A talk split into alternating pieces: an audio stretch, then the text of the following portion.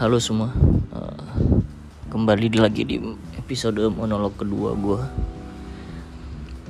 Tidak terlalu banyak yang bisa dikisahkan mungkin, tapi ingin bermonolog sama diri sendiri saja malam ini. Pertama, semoga gue bisa ngobrol tanpa berhenti sampai 10 menit ke depan kedua semoga gue bisa menceritakan apa yang terjadi dari monolog pertama gue sampai yang terakhir tanpa ada kata-kata uh, hmm dan lain-lain.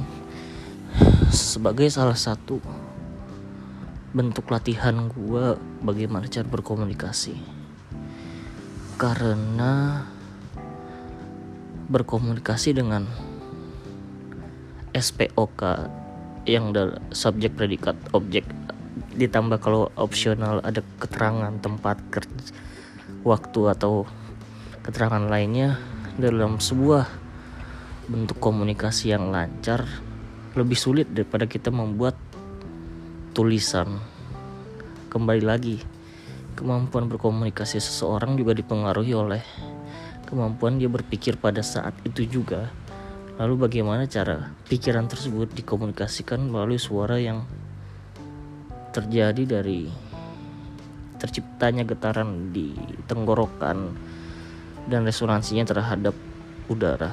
Mungkin itu ya tapi kata-kata resonansi mungkin itu salah juga tapi mungkin juga bisa benar. Tapi intinya adalah ada faktor udara dan getak udara dan getaran yang ada di tenggorokan. Kurang lebih begitu. Jadi apa yang terjadi kan di kantor gue sampai saat ini masih repetitif. Uh, isunya kurang lebih masih sama. Orang strategis dan orang eksekutor orang strategis analis bersaing sama orang yang berada di lapangan orang yang iri terhadap pencapaian orang lain dan adalah dan orang yang self centris merasa dirinya benar tanpa memperhatikan faktor-faktor di luar sana yang membuat dirinya tidak benar. Karena semua ucapan dan tindakan yang dilakukan seseorang itu adalah sebuah tesis. Perlu diberikan sebuah antitesis sehingga menciptakan sintesis yang baru yang lebih baik lagi daripada tesis sebelumnya. Tetapi sintesis yang baru tersebut juga harus diberikan antitesis lagi sehingga menciptakan anti menciptakan sintesis yang baru lagi yang lebih baik dari sintesis sebelumnya tapi permasalahannya tidak ada banyak orang yang mau diberikan antitesis atau memberikan antitesis terhadap pemikirannya sendiri sebelum menjadikannya sintesis atau dalam konteks kehidupan bermasyarakat adalah tidak banyak orang yang memperhatikan omongannya tanpa berpikir seperti dahulu berpikir seperti berpikir terlebih dahulu. Misalnya uh, sebut saja sebut saja misalnya A A mengatakan bahwa B tidak bisa bekerja sehingga A mengatakan bahwa B tidak bisa tidak bisa bekerja di depan umum dengan lantang dan tegas. Padahal sebelum A mengucapkan tersebut seharusnya A sudah menguji bahwa B tidak bisa bekerja dengan memberikan antitesis bahwa dia bisa bekerja. Sehingga sintetisnya, sintesisnya mungkin bisa muncul ternyata B bisa bekerja dengan kelebihannya A, B, C, D dan kekurangannya A, B, C, D.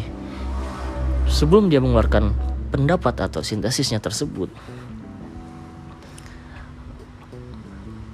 B bisa bekerja kelebihannya seperti itu dan kekurangannya seperti itu diberikan antitesis bahwa kelebihannya tersebut ternyata tidak bisa di tidak menjadi kelebihan sama sekali bagi dia karena itu masih pertemuan pertama. Dan kekurangannya juga ternyata bukan sebuah kekurangan dia malah ternyata dia bisa menjadi yang tidak kekurangan sama sekali. Karena itu masih pertemuan pertama atau pertemuan singkat atau belum kita digging belum kita menggalinya lebih dalam menggali seseorang tersebut lebih dalam lagi. Sehingga semua omongan orang harus dipikirkan terlebih dahulu saya setuju. Diam itu emas saya juga tidak terlalu setuju karena Diam itu tidak selalu mas, saya setuju. Dan tong kosong kalau dilempar kerikil sekecil apa pun akan bunyi. Jadi tetap kita harus berpikir terlebih dahulu sebelum mengucapkan. Tetapi sampai batas mana orang-orang bisa berpikir dan mengucapkan hal yang baik hal yang sudah terfilter dan hal-hal lainnya yang membuat sebuah sintesis itu tidak terlihat lemah sama sekali. Walaupun secara teori sintesis adalah hal yang masih banyak kekurangannya sehingga setiap sintesis apa pun masih bisa diberikan antitesis sehingga munculkan sintesis yang baru. Jadi jadi ya sudah berkatalah yang kamu tahu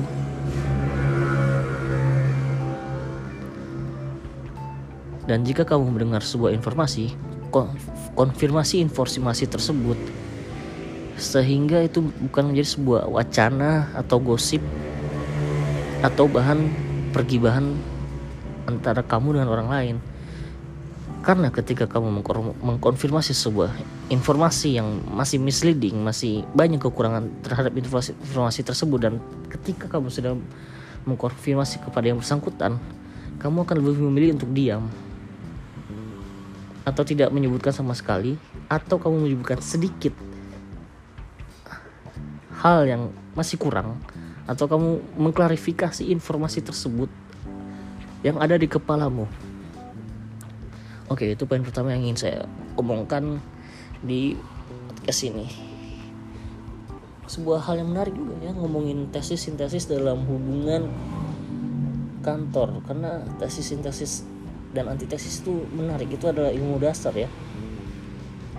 Bagaimana jika kamu memiliki, memiliki kemampuan atau pengetahuan? Misalnya uh, eh, gue kerja sekarang sebagai digital marketing gue mengaku bahwa gue bisa menghandle Google Ads bisa men-setting Google Ads, Facebook Ads untuk mencapai objektif yang diinginkan oleh perusahaan. Bagaimana jika diberikan antitesis bahwa gue tidak bisa menghandle Google Ads atau Facebook Ads atau channel-channel paid ads lainnya di, di channel di semua funnel digital marketing untuk mencapai objektif perusahaan.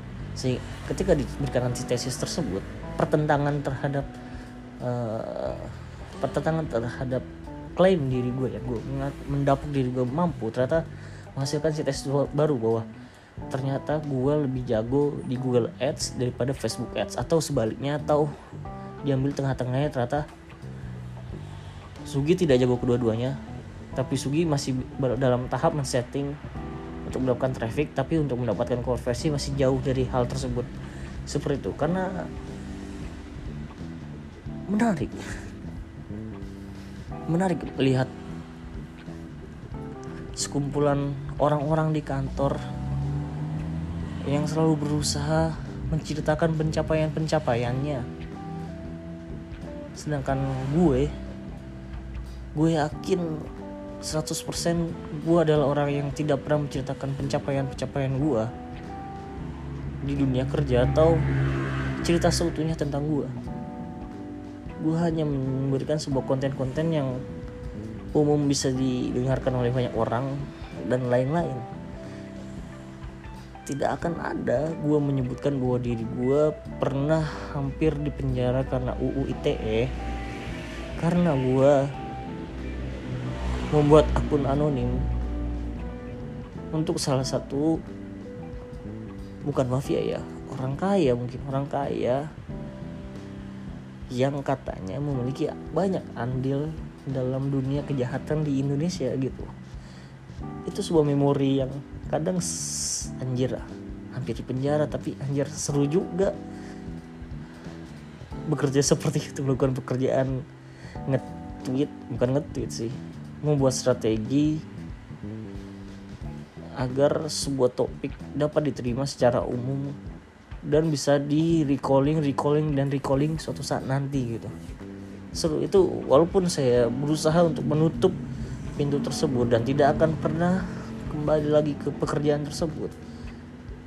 Sebuah pengalaman yang menarik. Dan ketika kita coba ceritakan kepada banyak orang belum tentu orang tersebut menganggap hal tersebut menarik. Ya. Ya karena kalau atau mungkin menarik dan tidak menarik itu adalah PR bagi saya. Bagaimana saya mengkomunikasikan sebuah hal bagaimana gue bisa mengkomunikasikan apa yang ada di pikiran gue pengalaman gue dan hal-hal yang gue lewatin agar menarik bagi banyak orang gitu kecuali informasi-informasi sensitif atau gibah gosip yang agak memantik orang-orang gitu. bagaimana bagi bagaimana jika gue menceritakan diri gue sebagai seorang yang seperti apa itu masih menjadi pekerjaan rumah gue hingga sekarang